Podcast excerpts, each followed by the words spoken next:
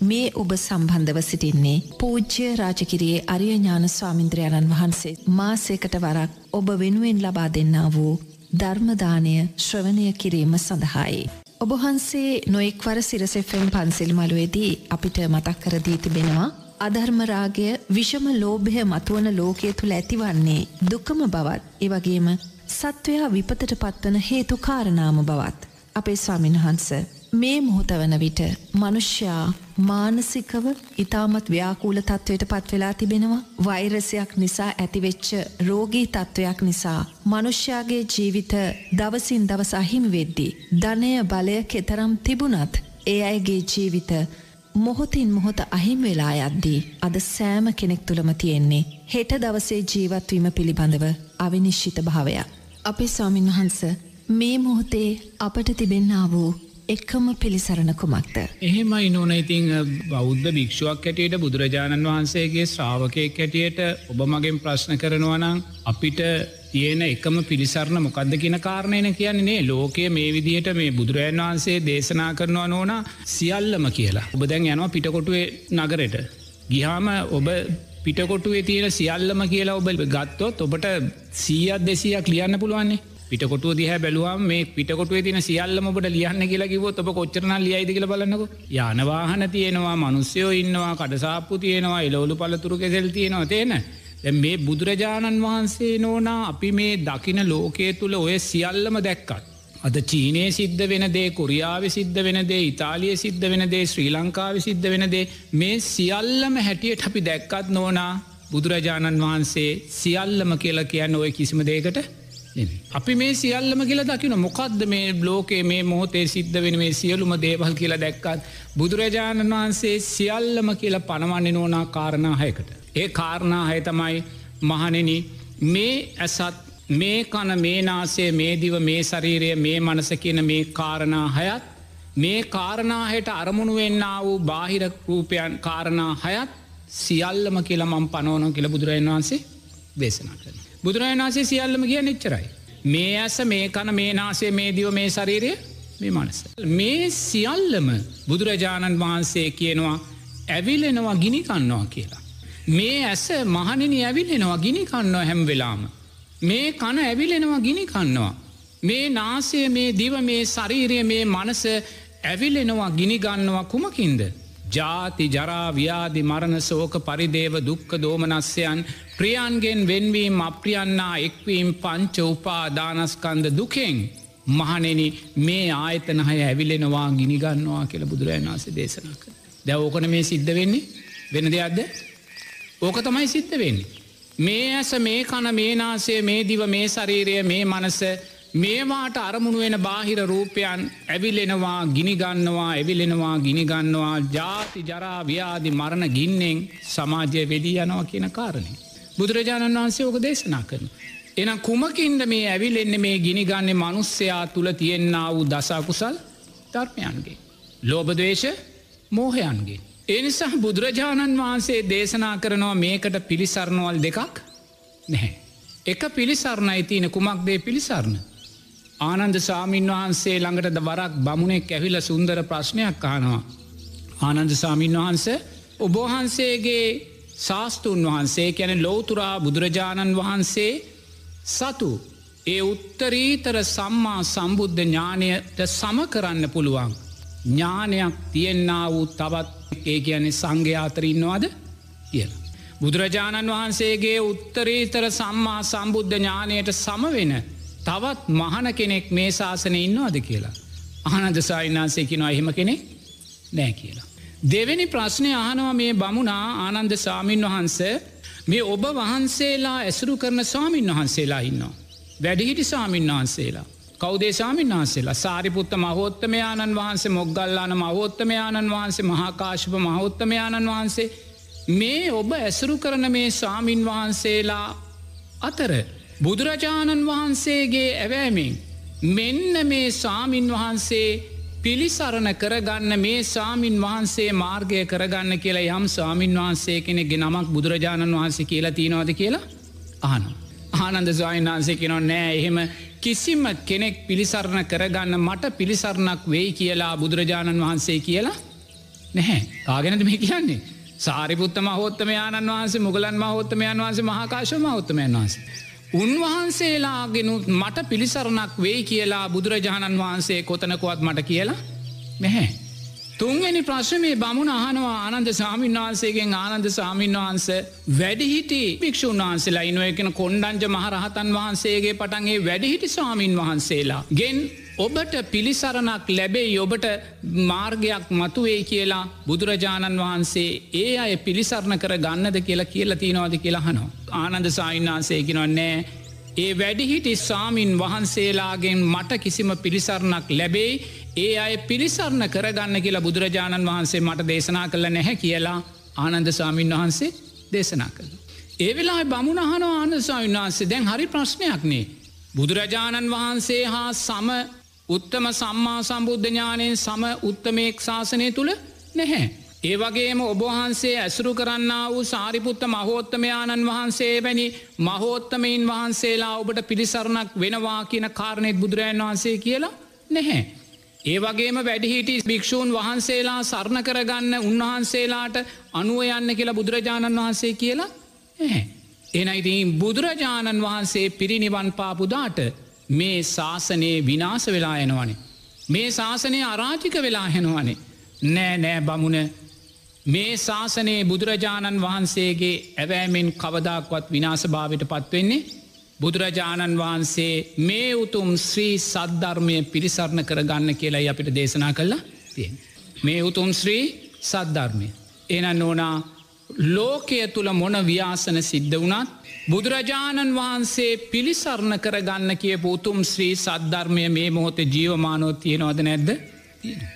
එහෙනම් අපි කළ යුත්තෙ නෝනා මෙවැනි ව්‍යාසනයන් ඉදිරියේ ඒ උතුම් ශ්‍රී සද්ධර්මය සරණ කර ගැනීම පමණක්මයි. ඒ සී සද්ධර්මයෙන් තොර සරණක් බුදුරජාණන් වහන්සේ දේශනා කල්ලත් නෑ අපිට යන්න වෙන සරණක් ඇත්තෙ නැහැ. එනිසා මම ඔබට මුලින්ම මතක් කලා මේ ලෝකය ගොඩනැගිල්ල තියෙන්නේ අවිද්‍යාවෙන් කියල නොන. අවිද්‍යාවේ බීජයෙන් ගොඩ නැගුණා වූ ලෝකයක් මේක. අවිද්‍යාවේ බීජයෙන් ගොඩ නැගුණා වූ ලෝකය පෝෂණය වෙන්නේ තුෂ්නාවෙන් නෝනා. ඒ නිසා ඔබ හිතන්න මේ ලෝකයේ අපිට පිරිසරණ වෙන්න ඔය කවුරුත් නෑ නෝන. ශ්‍රී සද්ධර්මය පමණක් මයි අපිට පිරිසරණ වෙන මාර්ගයතිීන්. මොකද මගේ භික්‍ෂු ජීවිතේ මට මුණ ගැහුණු හොඳම මනුස්සයක්. මට මුණ ගැහුණු නරකම මනුස්සයක්. දෙන්නාම මන් දැක්කේ එක පුද්ගලෙක් තුළින් වුණ. මට මුණ ගැහුණු හොඳම මනුස්සයාත්. මට මුණ ගැහුණු හොඳ නැතිම මනුස්සයාත්. දෙන්නාම මන් දැක්කේ එකම මනුස්සේ තුළින්. දෙන්නෙක් තුළින් නෙමේ. මට මුණ ගැසුණු කීකරුම මනුස්සයාත්. මට මුණ ගැසුණු අකීකරුම මනුස්සයාත් මන් දැක්කේ එකම මනුස්සෙක් තුළින්. ලෝකය පරස්පරයක් නොන. තවන්න ලෝකය ඇස් පැන්දුමක්. එකම මනුස්සයා තුළින් හොඳම මනුස්්‍යයාත්මන් දකිනවනන් නරකම මනුස්්‍යයාත්මන් දකිනවනම්. එකම මනුස්සෙක් තුළින් කීකරුම මනුස්්‍යයාත්මන් දකිනවනං අකීකරු මනුස්්‍යයාත්මන් දකිනවනන්. බුදුරජාණන් වහන්සේ දේශනා කරනවා ඒ ලෝකෙට ආදරය කරන්න එපා කියලා. ඒ ලෝකය කරේ බලාපොරොත්තු ඇති කරගන්න එපායි කියලා. ඒ ලෝකෙන් මිදී යන්න කියලා බුදුරජාණන් වහන්සේ දේශනා නද ඒ ලෝකෙ මිදී යන්න කියලා. බුදුරජාණන් වහන්සේ දේශනා කරනවා මහනෙන.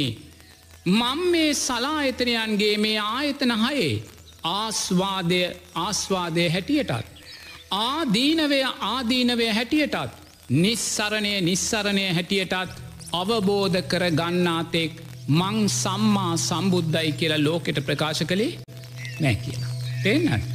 මං සම්මා සම්බුද්ධයි කියලා ලෝකෙට ප්‍රකාශ කළේ නෑ කියලා. මං යම් මොහොතක මේ සලාඇතනයන් මේ ආයතන හය ආස්වාදය ආස්වාදය හැටියට අවබෝධ කර ගත්තද. ආදීනවේ ආදීනවේ හැටියට අවබෝධ කර ගත්තද. නිස්සරණය නිස්සරණය හැටියට අවබෝධ කර ගත්තද. ඒ ගත්ත මොහොතේයි මංගුතුම් සම්මා සම්බුද්ධ රාජ්‍යය ලෝකෙට ප්‍රකාශ කළේ කියලා බුදුරජාණන් වහන්සේ දේශනා කරනවා. එතොට බුදුරජාණන් වහන්සේ දේශනා කරනවා මහනෙන මේ සලාහිතනයන්ගේ ආස්වාදය කියන මොකක්ත කියලා. මේ සලාහිතනයන්ගේ ආස්වාදය කියන්නේ මේ ඇස මේ කන මේ නාසේ මේ දිව මේ ශරීරය මේ මනස නිසා ඔබ යම් සැපයක් ලබනවා නම් ඔබ යම් සතුටක් ලබනවා නං ඔබ යම් විනෝදයක් ලබනවා නං එය සලා එතනයන්ගේ ආස්වාදයයි කියලා බුදුරජාණන් වහන්සේ කරනවා. ආස්වාදයක් තියෙනවාද නැද්ද තියෙනවා. අන බුදුරජාණන් වහන්සේ අවබෝධයම දකිනවා. මේ ආස්වාදයක් තියෙන නිසාමයි සත්වයා මේ සලා යතනයන්ට මෙතරම් බැඳී යන්න කියලා බුදුරජාණන් වහන්සේ දේශනා කරන. ඊළඟට බුදුරජාණන් වහන්සේ දේශනා කරනවා මේ සලායතනයන්ගේ ආදීනවයක් තියෙනවා. මේ සලායතනයන්ගේ ආදීනවයක් තියෙනවා. මොකක්ද මේ සලායතනයන්ගේ ආදීනවය. මේ සලායතනයන්ගේ ආදීනවය කියන්නේ මේ ඇස මේ කන මේ නාසේ මේ දිව මේ ශරීරය මේ මනස නිසා සකස් වෙන්න වූ යම් කලකිරීමක් තියෙනවනං යම් දුකක් තියෙනවනං යම් වේදනාවක් තියෙනවනං එය සලා එතනයන්ගේ ආදීනවයයි කියලා බුදුරජාණන් වහන්සේ දේශනා කරන. දැන් සමාජය පසුගිය දින දක්වා අපේ සම අපේ සමාජය ගන්නකො සලාහිතනයන්ගේ ආස්වාදය නෙවිත්ලෙ නේද. ඇසේ ආස්වාදය කනේ ආස්වාදය නහය ආස්වාදය දිවේ ආස්වාදය මනසේ ආස්වාදය විඳවිඳ මොකොද කළේ. අන්න චීන මෙච්චර මැරෙනවා චීන මෙච්චර විනාස වෙනවා ඉතාලිය මෙච්චර විනාසෙනවා මෙච්චර මැරෙනවා කියලා අනුන්ගේ විනාසය තුළිනුත් අපි ලැබුවේ මොකක්ද ආස්වාදය. අපේ ස්වාමෙන් වහන්ස බිය තුළිනුත් උපදින්නේ ආස්වාදයමද. ඒ ආස්වාදය උපදින ඒක ආදීනවය. එතෙක් වින්දේ ආස්වාදය. තේන අනුන්ගේ විනාසේ දකිද්දිත් අපි කවදක්වත් ආදීනවේ මතු කරගත්තේ නිස්සරණයක් මතු කරගත්තේ නැහැ. අපි තව තව විතර්ක කරමින් විතර්ක කරමින් විතර්ක කරමින් අනුන්ගේ ආදීනවය තුළින් අපි තව තව තව තව ආදීනවයට අදාළ ධර්මතාවෙන්ම සකස් කරගත්. දැන්ගන්න මොකද වෙලා තියන අපිට ආස්වාදය ඉවරයි. දැන් ඇස කෙරෙයි කන කෙරෙයි නාසය කෙරේ දිව කෙරෙයි ශරීරය කරේ මනස කරේ අන්න පිංහතුනේ කලකිරීම සකස් වෙලා තියන. රෝග බිය සකස් වෙලා තියනවා. මරණ බය සකස් වෙලා තියනවා. මොකක්ද මේ සලා එතනයන්ගේ ආදීනවය. දැන් අපි ආස්වාදය මොකක්ද කියලා දැක්කා ලෙඩරෝග නැති වෙලාවේ වසංගත නැති වෙලාවේ ඇස කණ නාසේ දිව ශරීරයේ මනස පිනවන්න සුන්දර සුන්දර සුන්දර සුන්දර දේවල් අපි කලා. අන දැන් ආදීනවේ මතු වෙලා තියෙනවා. දැන් ආදීනවේ මතු වෙද්දි මොකක්ද කරන්නේ පිංහතුනී බය නිසා මරණ බය නිසා රෝග බය නිසා දවාදරුවන්ගේ නැතිවීම පිළිබඳ බය නිසා බලවත් ආකාරයෙන් පංච නීවරණ තිවර කර ගණස භාවිට අපි ඇවිල්ල තියෙනවා. ආස්වාදේදිත් පංචනීවරණමයි මතු කරගත්තේ. දැන් ආදීනවේදිත් අපි පංචනීවරණමයි මතු කරගත්තේ. බුදුරජාණන් වහන්සේ දේශනා කරනවා මේ ආස්වාදය ආස්වාදය හැටියට නොදකින කෙනා. මේ ආදීනවය ආදීනවය හැටියට නොදකින කෙනා. කවදදාක්වත් නිස්සරණය කරා යන්නේ නිස්සරණය කියනමකක්ද මේ ඇස්ස කෙරෙහි ඇතිකර ගන්නා වූ තුෂ්නාවෙන්යා කවදක්වත් මිදෙන්නේ නැහැ. මේ කන කෙරෙයි නාසය කෙරේ දිව කෙරෙයි ශරීරය කෙරේ මනස කරේ ඇතිකර ගන්නා වූ තුෂ්නාවෙන්යා මිදෙන්නේ නැහැ. මේවා අනිත්‍ය වූ ධර්මතාවයන් මේ ඇසේ පස්සේ නිසා සකස් වෙන්න වූ චක්කු විඤ්ඥානය අනිත්‍යයි කෙළයා දකින්නේ නැහැ. මේ කනේ පස්සේ නිසා සකස් වෙන්න වූ සෝත විඤ්ඥානය අනිත්‍යයි කෙළයා දකින්නේ නැහැ. මේ මනසේ පස්සේ නිසා සකස් වෙන්න වූ මනෝ විඤ්ඥානය අනිත්‍යයි කෙළයා දකින්නේ නැහැ. ආස්වාදය ආස්වාදය හැටියට නොදැක්ක නිසා අද අපි ආදීනවේ ආදීනවේ හැටියට දකින්න දක්ෂ වෙලා නැහැ. ඒ මරණ බය නිසාම රෝගී බය නිසාම නෝනා අපි තව තව තව තව තව තව පංච නීවරණයන් බලවත් ආකාරයෙන් රැස් කරගෙන තවත් ඇසක උපතක් උදෙසා පටිච්ච සෞපන්න සංස්කාර රැස් කර ගන්න. මේ ඇස නිසාමයි මේ ප්‍රශ්න මතු කොල්ල තියන්නේ. මොකෝ ඇස ගිනි ගන්නවා. ඇස ජාති ජරා ව්‍යාදි මරණොලින් ගිනි ගන්නවා. මේ කන නිසාමයි මේ ප්‍රශ්නය මතු කොල්ල තියෙන්නේ. මේ කන ජාති ජරා ව්‍යාදි මරණොලින් ගිනි ගන්නවා. මේ නාසය මේ දිව මේ ශරීරය මේ මනස නිසාමයි මේ ප්‍රශ්නය මතු කොල්ල තියන්නේ. මේ ශරීරය ජාති ජරා ව්‍යාදි මරණවලින් ගිනි ගන්නවා. මේක ගිනි ගනිද්දී. උන ගැනෙද්දි විසබීජ ශරීරයෙන් පිටවෙද්දී මාරාන්තික බවට පත්වෙද්දී මේ පෙනි පෙනි පෙනි පෙනි ජාති ජරා ව්‍යාදි මරණයන්ගෙන් මේක ගිනිගනිද්දිත් ඒ ගින්න තුළිනුත් අපි හොයන්න හදන්නේ ආස්වාදයක් මයි. ආදීනවේ ආදීනවේ හැටියට දකින්නේ නැහැ. ආස්වාදය ආස්වාදය හැටියට දකින්නේ නෑ ඒ ආස්වාදය කෙටී කියලා දකින්නේ නෑ. ඒ නිසාම අපි නිස්සරණය කරා යන්නේ නෑ. අනේ මේ ඇස දුකක් නං මේ කන දුකක් නං මේ නාසේ දුකක් නම් මේ දිව මේ ශරීරය මේ මනස දුකක් නං මේවා නිසා සකස් වෙන්න වූයේ චක්කු විඤ්ඥානය සෝත විඤ්ඥානය දුකක් නං මේවා නිසා සකස් වෙන්න වූ පංච උපා දානස්කන්දය දුකක් නං ඒ දුකෙන් මිදීම උදෙසා මේ ඇස කෙරෙයි තුෂ්නාවෙන් බැහැර වෙනවා කියන කාරණයට අප යන්නේ නෑ. ගිනි ගන්නා ඇස උපයෝගී කරගෙන තවත් ගිනි ගන්නා පටිච්ච සමුපන්න ඇසක් උදෙසා සංස්කාර රැස් කරනවා. ගිනි ගන්නා කන උපයෝගී කරගෙන කනිට අහන දේවල් තවතව විතර්ක කරමින් පටිච්ච සමුපන්න තවත් කනක් උදෙසා සංස්කාර රැස් කරනවා. ගිනි ගන්නා මේ ශරීරය උන ගැනිලා සෙම වැගිරෙන මාරාන්තික බවට පත්වන නිරෝධායන මධ්‍යස්ථානි ගත කරන ඒ ශරීරය උපයෝගී කරගෙන පටිච්ච සමු පන්න තවත් ශරීරයකට අදාළ සංස්කාර ඇස් කරනවා. ආස්වාදය ආස්වාදය හැටියට දැක්කෙනෑ. ආදීනවේ ආදීනවේ හැටියට දැක්කෙනෑ. නිස්සරණය නිස්සරණය හැටියට දැක්කෙනෑ. ඒ නිසාම සත්වයා ආස්වාදයක් ආදීනවයක් හේතුවෙන් නෝනා නැවත නැවත නැවත නැවත පටිච්ච සමුපන්න ජීවිත කලා මව්කුසවල් කරා ඇදී යනවා කියලා බුදුරජාණන් වහන්සේ දේශනා කරනවා. එනිසා ලෝකයේ තුළ සිද්ධ වෙන දේ හම්බයක් නෙමේ නෝනා. බුදුරජාණන් වහන්සේ දේශනා කරනවා සත්වයා කර්මය දායාද කොටක නිපදී කියලා. සත්වයා කර්මය මගේ කොටගෙන ඉපදී කියලා. සත්වයා කර්මය සෙවනැල්ල කොටගෙන ඉපදී කියලා. එනන් සත්වයා කර්මය මගේ කොටගෙන ඥාතියා කොටගෙන සෙවනැල්ල කොටගෙන නං ඉප දෙන්නේ. සත්වයාට මේ වෙන්න වූ වින්නහැයියට ඇගිල්ල දික්කරන්න වෙන වග කියයුත්තේ නැහැ. මට මේ මොහොතේ ඔය කියන අසනීපේ හැදුන නං ඔය වසංගතය හැදුන නං මම කාටවත් ඇගිල්ල දික්කරන්න යන්නේ නැහැ. මට කාටුවත් ඇගිල්ල දික් කරන්න බැහැමොකද මන් සම්මා දිට්ටි ආර්ථයෙන් පරිපූර්ණ භික්ෂුවක්. සම්මා දිට්ටි අර්ථයෙන් පරිපූර්ණ භික්ෂුවකට මා රාන්තික ලෙඩක් හැදුනත් ඒ ලෙඩෙටවත් ඇගිල්ල දික් කරන්නේ නැහැ. අපේ ශාස්තූන් වහන්සේ වන බුදුරජාණන් වහන්සේ අපිට පැහැදිලිව දේශනා කරනවා. කර්මය සත්වයා ඥාතියා කොටගෙන දායාදයක් කොටගෙන සෙවනල්ලක් කොටගෙන ජීවත් වෙනවා කියලා. ඉප දෙනවා කියලා. එන නෝනා අපි මේ කර්ම විපාකයන් විපාක දෙක්දී අපි මේ විපාකයන්ගෙන් මේ දුකෙන් මිදීමේ මාවතයි මතු කරගතයු. මිදීමේ මාවතයි. මම ඔය පැතිර යන උන වසංගතය දිහැ දකිද්දී මමනන් දෑස් දෙක පියාගෙන මම කල්පනා කරන නෝනා මේ මොහොතේ ඔය කොරෝනා රෝගය මට හැදුනොත් පුතේ මම ලබන්නා වූ අත්දැකීම් කොයිසා මිහිරිද කියන කාරණය. අද ඔබලා මට වන්දනා කරනවා දන් පූජා කරනවා අප්‍රමාණ සිව්පසයෙන් ඇපෝපස්ථාන කරනවා. සාධකාර දෙනවා. නමුත් පුතේ හෙට මට ඔය කොරහොනා රෝගය හැදුනොත් මුළු සමාජෙම කොයි සාමට බයවේද කියල හිතන්න. ඔබ එහෙම හිතුවද මම හිතන දේ මං කියන්නේ.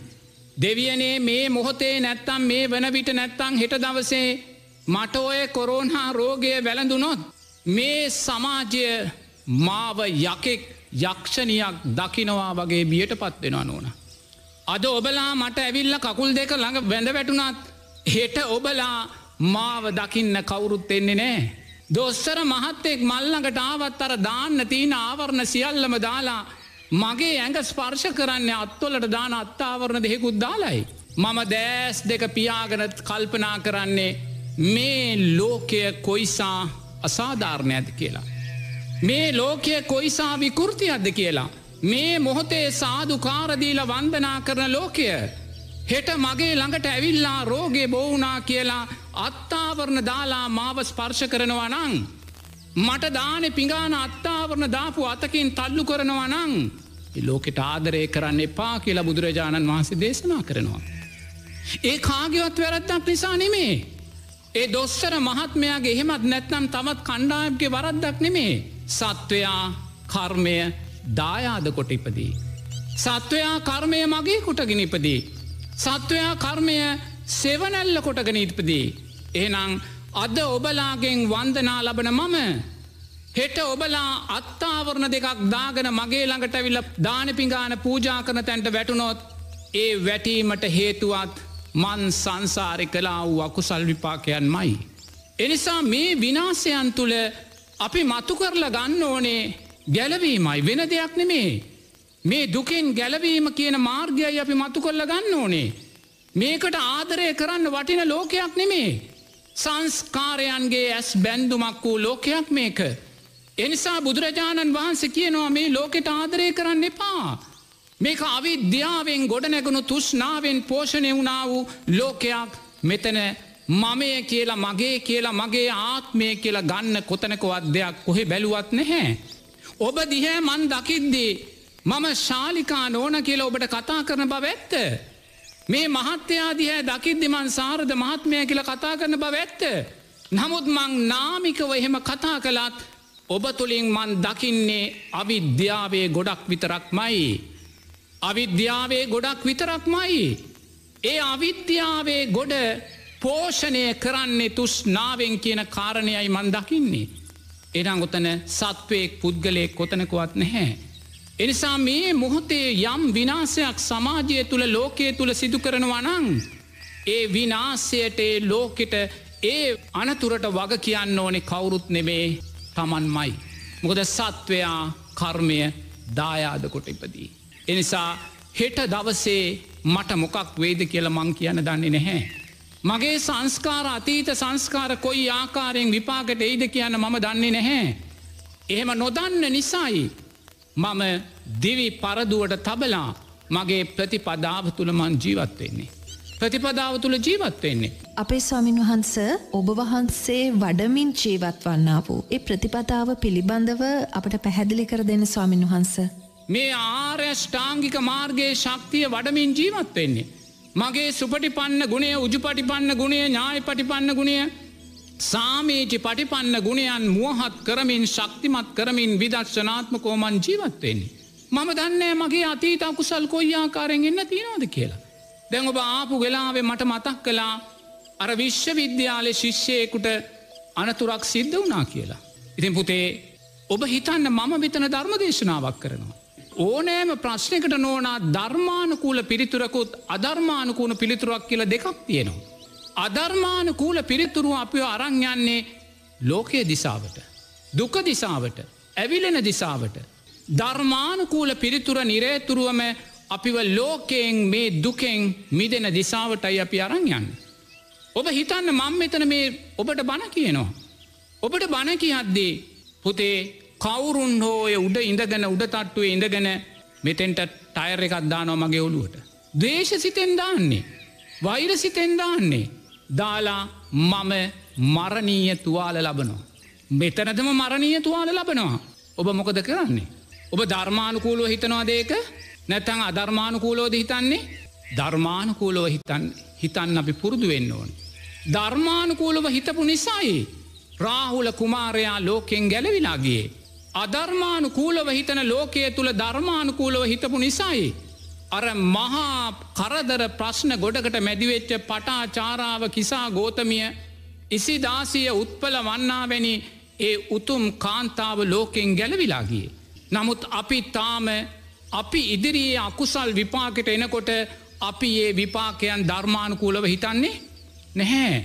අධර්මානුකූලවම හිතනවා. අධර්මානුකූලව හිතල ගිනිගන්නා ලෝකෙට තවතව සංස්කාර අපි දානවා දර දානවා තවතව ගිනිගන්න. මේ විඤ්ඥානය ඇවිලි ඇවිලි පටිච්ච සමුපන්නව ගමන් කරනවා. පටිච්ච සමුපන්නව. එනම් මම මෙතන ධර්මය දේශනා කරද්දී. කවුරුන්නෝ මගේ ශරීරට ටයර් එකක් නැත්තං වෙනයම් දෙයක් පෙරලලමාව මා රාන්තික තුවාල ලැබුණොත් නෝනා ඒකට ආයිමත් මම කාටවත් ඇගිල දික් කරන්නේ නැහැ. හේතු පල ධර්මයක්. මොකක්ද හේතු පල ධර්මය සංසාරයේ මම මේ වගේම බණ කියන සාමීන් වහන්සේ කෙනෙකුට ඒ විදියේ විනාසයක් කල්ලා තියෙන. ඇත්ත කතාව.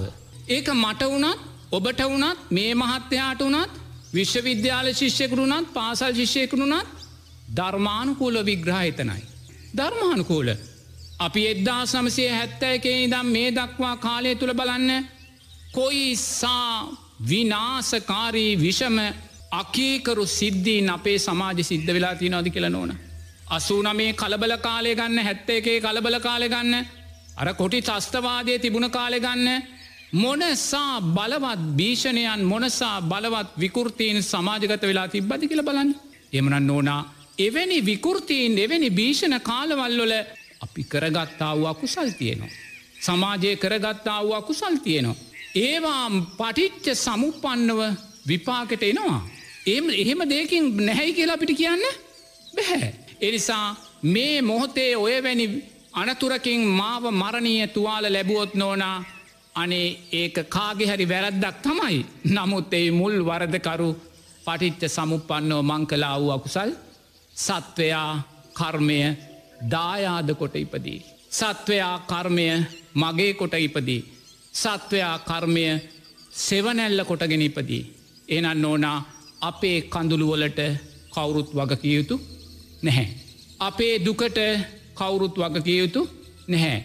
එහි වගකියයුත්තා පටිච්ච සමුපන්නව තමන්මයි. මෙන්න මේ අතාර්ථය තේරුම් ගත්තොත් පමණයි. අපිට නෝනා මේ බව ගමනේ නැවත මේ පංච උපාදානස්කන්ද ලෝකයේ අනතුරුවලින් මිදෙන දිසාවට අපිට ගමන් කරන්න පුළුවන්.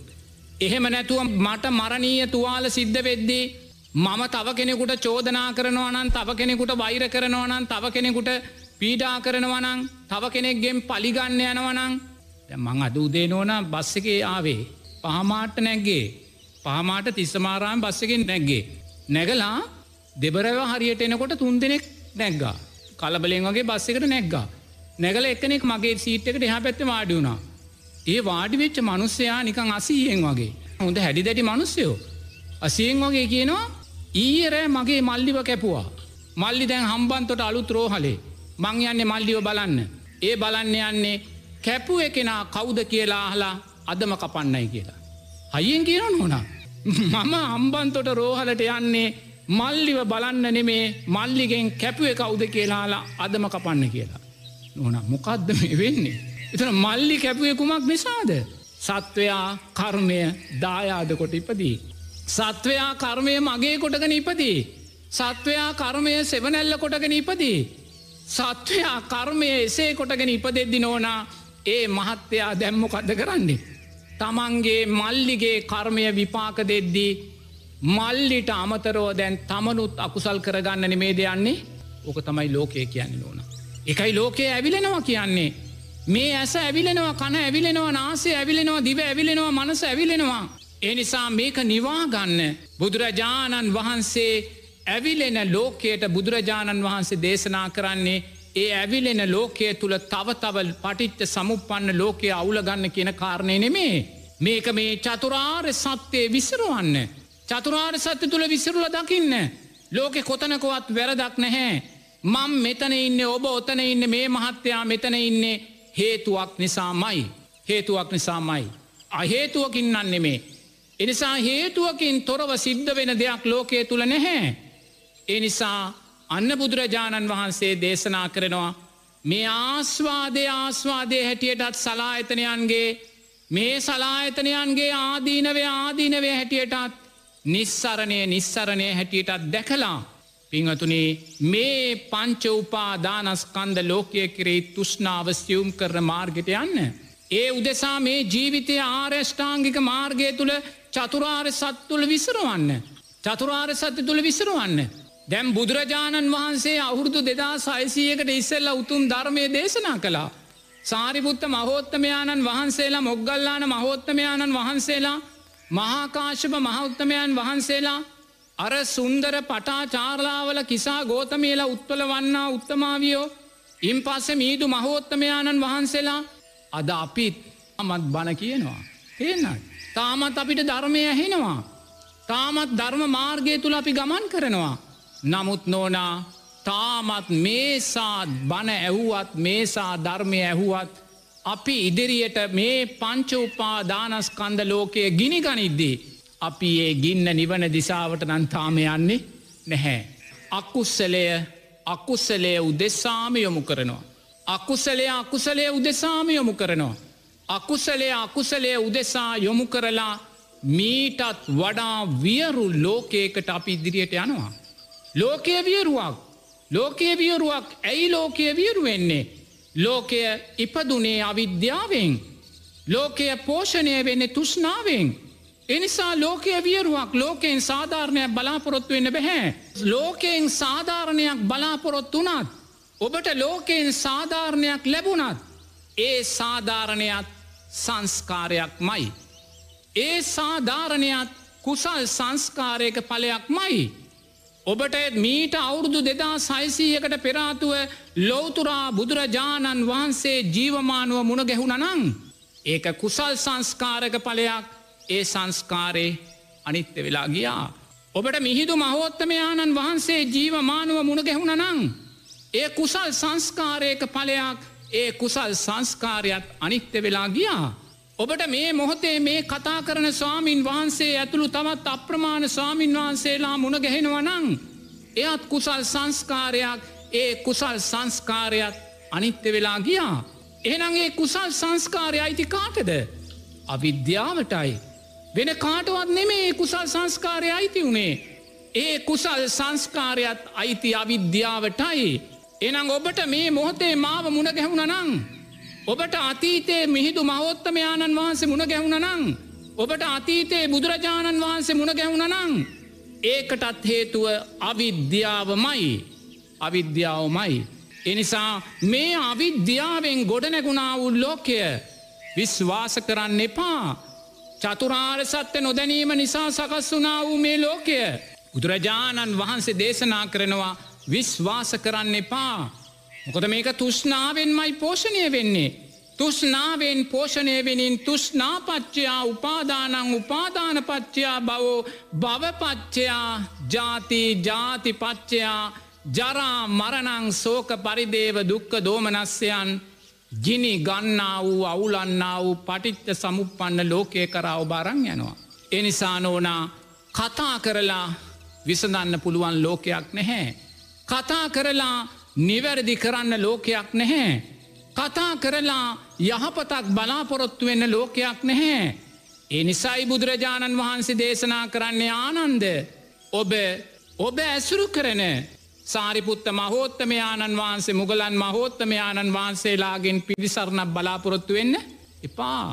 ඔබ මේ වැඩිහිටි නායක සාමීන් වහන්සේලාගෙන් පිරිසරණ බලාපොරොත්තු වෙන්න එපා. එකම පිරිසරණයි ආනන්ද ශ්‍රී සද්ධර්මය පිරිසරණට යන්න. මේ මොහොතේ ලෝකයේ තුළ යම් විෂමතාවයක් රෝගී භාවයක් වසංගත භාවයක් ගොඩනැගිල තියෙනවනං එකම පිළිසරණයි අරණවල් දෙකක් හොයන්න එපා භික්ෂුවක් හැටියට මම ජීවත් වෙන්නේ ඒ පිළිසරණ තුරයි. ඒ සද්ධර්මය පිළිසරණයෙන් තොර එක දසමයක පිළිසරණක් අපි භික්‍ෂූන් වසයෙන් බලාපොරොත්තු වෙන්නේ නැහැ. එනිසා ඔබ එක ධර්මයක් කෙරෙහි විශ්වාසය තබන්න. ඒ තමයි බුදුරජාණන් වහන්සේ දේශනා කලා උතුම් ශ්‍රී සද්ධර්මය. ඒ උතුම් ශ්‍රී සද්ධර්මය තුළ මේ මොහොතේ ඇවිලෙන ඔබේ ජීවිතය මේ ලෝක මේ මොහොතේ පංච නීවරණ තුළින් ඔද්දල් වෙලාතිී ඔබේ ජීවිතය මේ මොහොතේ රෝග බයෙන් මරණ බයෙන් පීඩිත වෙලාතිී ඔබේ ජීවිතය විසරුවන්න චතුරාර් සත්‍ය තුළ. විසිරුවන්න මෙන්න දුක. වෙන දෙයක් නෙමේ. මේ අත්විඳින්න දුක. මේ ජාති ජරා ව්‍යාධි මරණ සෝක පරිදේව ප්‍රියන්ගෙන් වෙන්වීම පංච උපා දානස්කන්දය නිත්‍ය වශයෙන් ගැනීමේ දුක. රූපය නිත්‍ය වශයෙන් ගත්තා. මම සදා කාලිකයි මම සදා කාලිකව නිරෝගී. මේ ඇස සදා කාලිකව නිරෝගී. මේ කන මේනාසේ මේ දිව මේ ශරීරය මේ මනස සදා කාලිකව නිරෝගී. නිත්‍ය වශයෙන් ගත්තා. මේ ලබන්නා වූ සැපවේදනාවන් වෙනස් වෙන්නේ නැහැ. හැම දාමත්මන් නිරෝගී කියන සැපවේදනාව වෙනස් වෙන්නේ නැහැ. මේ ලබන හඳුනා ගැනීම් මම නිරෝගී කියන හඳුනා ගැනීම් වෙනස් වෙන්නේ නැහැ. මේ විපාක දෙන සැප සංස්කාරයන් වෙනස් වෙන්නේ නෑ. මේ අත්විඳින්නා වූ සුන්දර දැනීම් වෙනස් වෙන්නේ නෑ. අන්න පංච උපාදානස්කන්දය නිත්‍ය වශයෙන් ගත්තා. දුක සකස් වුනා. රූප වෙනස් වෙනකොට වේදනා වෙනස් වෙනකොට හඳුනා ගැනීම වෙනස් වෙනකොට සංස්කාර වෙනස් කෙනකොට විඤ්ඥානය වෙනස් වෙනකොට අන්න දුක සකස් වුනා. දුක කියන්න ඔතනයි. ඔබ යම් පීඩනයකින් දුක්විඳින වනං ඕකට තමයි දුක්ක සත්‍ය කියලා බුදුරජාණන් වහන්සේ දේශනා කරන්න. පරම සුන්දර පලවෙනි සත්‍යය. බුදුරජාණන් වහන්සේ නමක් ලෝකෙට පහළ වෙලා දේශනා කරන සුන්දර පලවෙනි සත්වය ඔබට අද ලෝකය පුරා දකින්න පුළුවන්. ඔබ ඇවිල්ල කිව්ව දැම් මාසයක්ද මාස එකහාමාරද දරුවන්ට නිවාඩ දුන්න කියලා. මේ දරුවා ඇවිල්ලකුව දහම් පාසලුත් නිවාඩ දුන්න කියලා. පිංහතුනේ මේ සුන්දර දුක්ක සත්‍යයයි අපි දකින්නේ. මේ සුන්දර දුක්ක සත්‍යයයි. අර මහත්තයකුව උදේ පාන්දර මං පාසල්ට ගිල මගේ දරුව දෙන්න එක්කං ආව කියලා. මොකක්ද මේ දකින්නේ සුන්දර දුක්ක සත්‍යය. නමුත් ඔබේ සුන්දර දුක්ක සත්‍යය දුක්ක සත්‍යය හැටියට දැක්කද. දැක්කෙ නෑ දුක්ක සත්‍යය ඔබ පංච නීවරණයක් කරලයි ගත්තේ. පංච නීවරණයක්. සුන්දර දුක්ක සත්‍යය ඔබ පංච නීවරණයක් කරද්දී. පිංහතුනී කව දානං ඔබ දුකෙන් මිදන්නද. කව දානං ඔබ දුකෙන් මිදන්නද. අතීතයේ බුදුරජාණන් වහන්සේලා ලක්ෂ ගානක් පටිච්ච සමුපන්නව පහළ වුණ ලෝකයක්. ඒ පහළ වුණ ලෝකෙත් අපිට තාම දුකෙන් මිදන්න බැරිවුණේ දුක අපි දුකක් හැටියට දැක්ති නෑ. දුක දුකට හේතුවෙන තවත් පංච නීවරණයක් කොටමයි අපි ගත්තේ. එනිසා මේ මොහොතේ සතියසී ඇති කරගන්න. සද්ධර්මය කරේ සතියසී ඇති කරගන්න. බුදුරජාණන් වහන්සේ දේශනා කලා වූ මාර්ගය කරෙයි සතියසී ඇති කරගන්න. කුසලේ අකුසලය කරෙයි සතියසී ඇති කරගන්න. සම්මා දිට්ටිය කරෙයි සතියසී ඇති කරගන්න. සතිය සිහි ඇති කරගෙන දුක්ක සත්‍යය දුක හැටියට දකින්න සුන්දර ධර්මයක්. සුන්දර ධර්මයක්. ලෝකය ගිනිගන්නවා ලෝකය ගිනිගන්න එක වලක්වන්න බැහැ. ඇස නිරතුරුව ගිනිගන්නවා කන නිරතුරුව ගිනිගන්නවා නාසේ නිරතුරුව ගිනිගන්නවා. මේ ගිනිගන්නා වූ ලෝකය පංචුපා දානස්කන්ද ලෝකය නවත්තන්න බුදුරජාණන් වහන්සේටත් බැහැ අනුන්ගේ. එනිසා ලෝකය ගිනිගන්නවා. ඒක වලක්වන්න බෑ. කුසලය සහ කුසලය විසින් ලෝකය ගිනිගන්නනවා. අවිද්‍යාව විසින් ලෝකය ගිනිකන්වනවා. ඒ නිසා ගිනිගන්නා වූ ලෝකය නිවන්න ඔබට බැහැ. ඒ ගිනිගන්නා වූ ලෝකය ගිනිගන්නා බව අවබෝධ කරගෙන ඔබ නිවෙන්න. ඔබට නිවෙන්නයි බුදුරජාණන් වහන්සේ චතුරාර් සත්‍ය දේශනා කළේ. ඒ චතුරාර් සත්‍යදී ඔබ දුක්ක සත්‍යයයි මේ දකින්නේ. අර විශ්වවිද්‍යාලි දරුවා තුළින් මේ රෝහල් ගත වෙන රෝගීන් තුළින් පාසල් ශිෂ්‍යයා තුළින් මේ සෑම දෙයක් තුළින්ම චීනය කොරියාව ඉතාලිය මේ සෑම තැනක් තුළින්ම අපි දකින්නේ දුක්ක සත්‍යයේ යථාර්ථයයි අන්න සත්‍යය දැක්කා. එනම් බලන මේ දුක්ක සත්‍යය මේ දුක සකස් වනේ කුමක් නිසාද. මේ දුක සකස් වනේ කුමක් නිසාද පංච උපාදානස්කන්දය කරේ තුෂ්නාව නිසාමයි. වෙන දෙයක් නෙමේ. රූප වේදනා සංඥා සංකාර විඤ්ඥාන කරේ තුෂ්නාව ඔබ ගිය ජීවිතයේ සින්දනං අද ඔබට මේ දුක නැහැ. අද ඔබට මේ දුක නැහැ. ඒක හොඳින් තේරුම් ගන්න. විශාලා මහා නුවර දුර්භික්ෂයෙන් විනාස වෙලා යද්දී. බුදුරජාණන් වහන්සේට දුක සකස් වනේ නැහැ. මහා කරුණාව සකස් වනා කෙලෙසුන්ගෙන් තොර. මොකද ඊට හේතු තුෂ්නාව බුදුරජාණන් වහන්සේ නිරෝධය කරලයි තිබ්බේ. එනිසා අපිට මේ දුක සකස් වෙන්නේ දුකට හේතුවෙන තුෂ්නාව නිසා මයි. රූපය කරෙහි තුෂ්නාව මේ රූපය නිත්‍යයි මේ රූපය සදාකාලිකයි මගේ දරුවාගේ රූපය නිත්‍යයි සදාකාලිකයි. මේක තව අවුරුදු පණහක් තියෙනවා සීයක් තියෙනවා මොන ව්‍යාසනාවත් අපි ජීවිතය සුරකිනවා රූපය කෙරෙයි තුෂ්නාවෙන් බැඳිලා.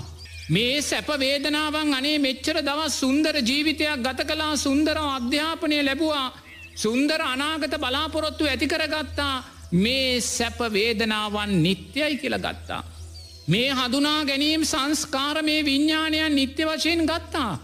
අන්න කඩා වැටෙනකොට හිර වෙනකොට බාධා එනකොට වැටකඩුළු එනකොට අන්න පිංහතුනේ තව තව තව තව දුක සකස් වෙනවා. එනං දුක්ක සත්‍ය අපි දකිනවා. දෙවැනි ආර්ය සත්‍ය දුකට හේතුව තුෂ්නාව කියන කාරණය අපි දකිනවා. එනිසා මේ දුක දැකලා තව තව තුෂ්නාව වඩාගන්න එපා. අර දුරකතන දිහැ බලන්න මොනසා දේවල්ලේ දුරකතනොල යනවාද කියලා. මොනසා දේවල් යනවාද කියලා ඔය අත්දුරකතන තියෙනවානේ ඒවැ බලන්න කෙනෙකුට බයිනවා තව කෙනෙකුට විරෝධය පානවා තව කෙනෙකුට තව දෙයක් කියනවා එක්කො බොරු කියනවා එක්කො නැත්තං කටකතාදානවා මේ දුක තුස්නාවෙන් තව තව තෙම්පරාදු කරනවා. දුක තුස්නාවෙන් තව තව තෙම්පරාදු කරනවා.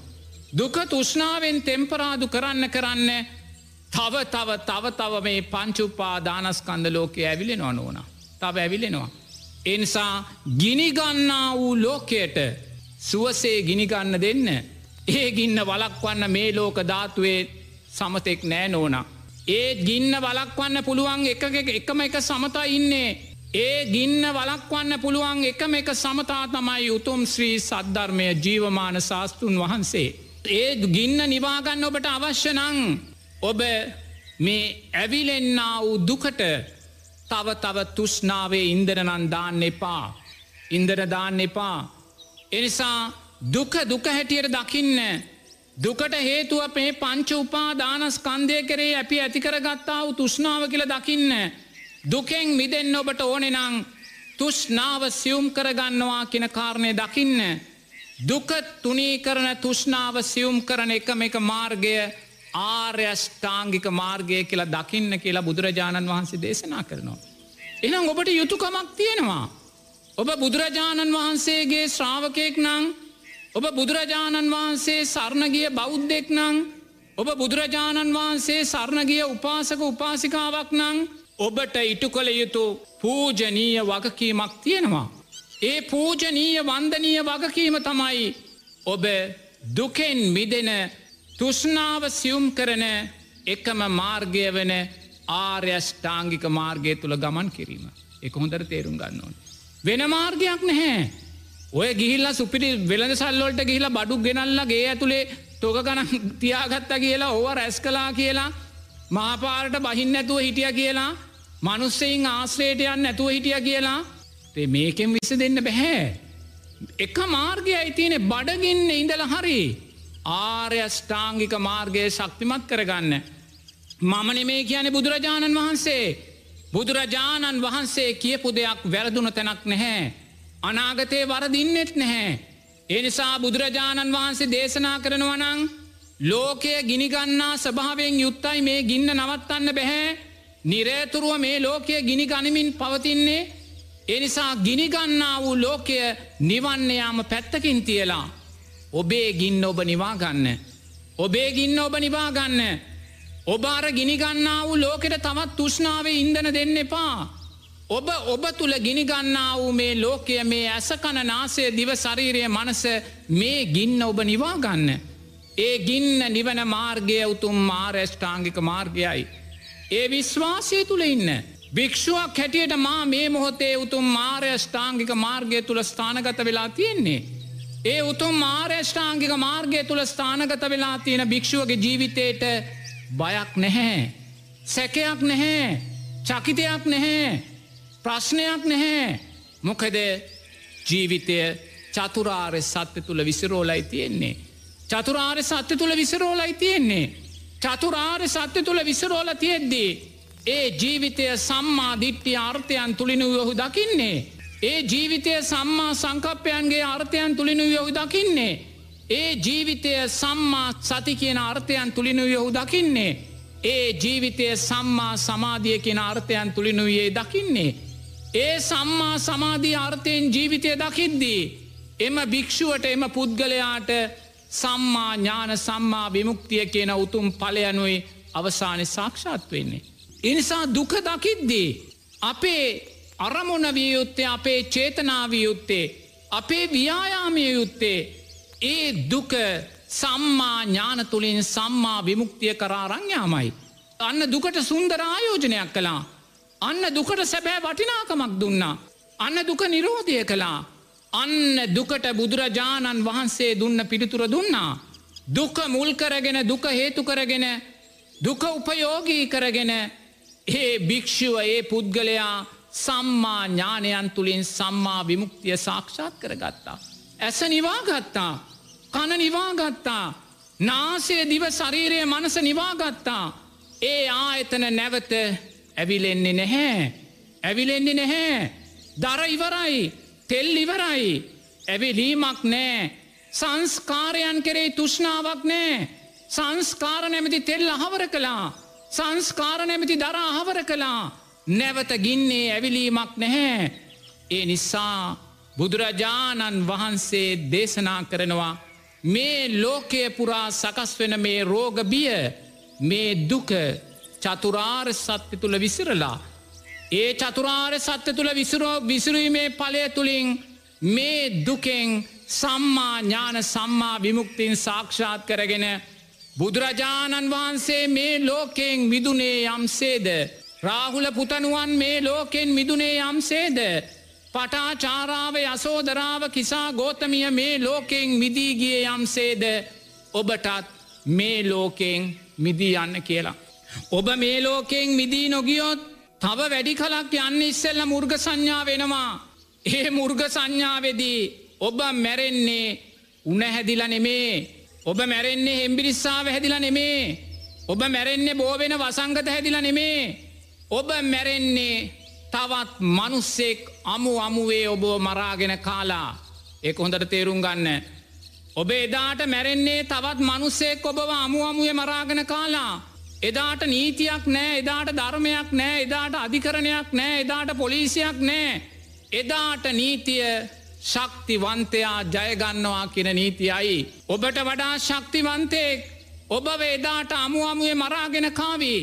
ඔබ බලන්න කපුටෙක් ගෙම්බෙක් කල්ලගෙන ඒ සතා අමු අමුවේ මරාගෙන කනව ඔබ දැකල තියෙනවද. වෙනත් කුරුල්ලෙක් කෘමිය කල්ලගෙන අමු අමුවේ හොටෙන් ඇනෑනා ඇනෑනා කෑලි කඩකඩ අර සතා කෑගහද්දි දඟලද්දි ලතෝනි දෙද්දි මරාගෙන කනවා ඔබ දැකලා තියෙනවද.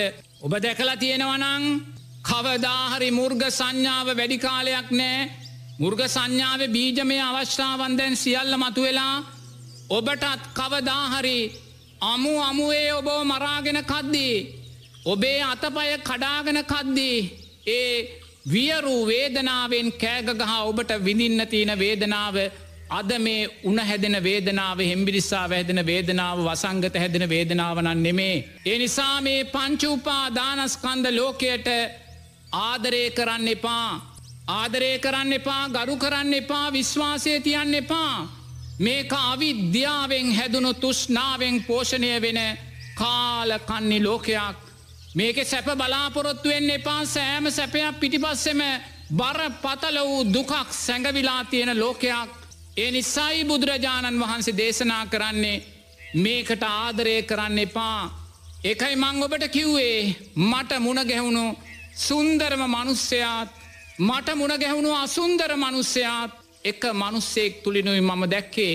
මට මුණම ගැසුණු කීකරම මනුස්සයාත් අකීකරම මනුස්සයාත් එකම මනුස්සෙක් තුළින් දැක්කේ එනිසා මේ පංච උපා දානස්කන්ද ලෝකය එක දසමකින් වස් පර්ශ කරන්න මමනං කැමැත්තක් නෑ ඇයි අවිද්‍යාවෙන් ගොඩ නැගුණු ලෝකයක්. තුෂ්නාවෙන් පෝෂණය වෙන ලෝකයක් එනිසා බුදුරජාණන් වහන්සේ ප්‍රතික්ෂේප කලා වූ දුකට හේතුවෙන අවිද්‍යාවට ඒ අවිද්‍යාව පෝෂණය කරන තුෂ්නාවට එක වචනයකින්වත් මගේ නං කැමැත්තක් නැහැ.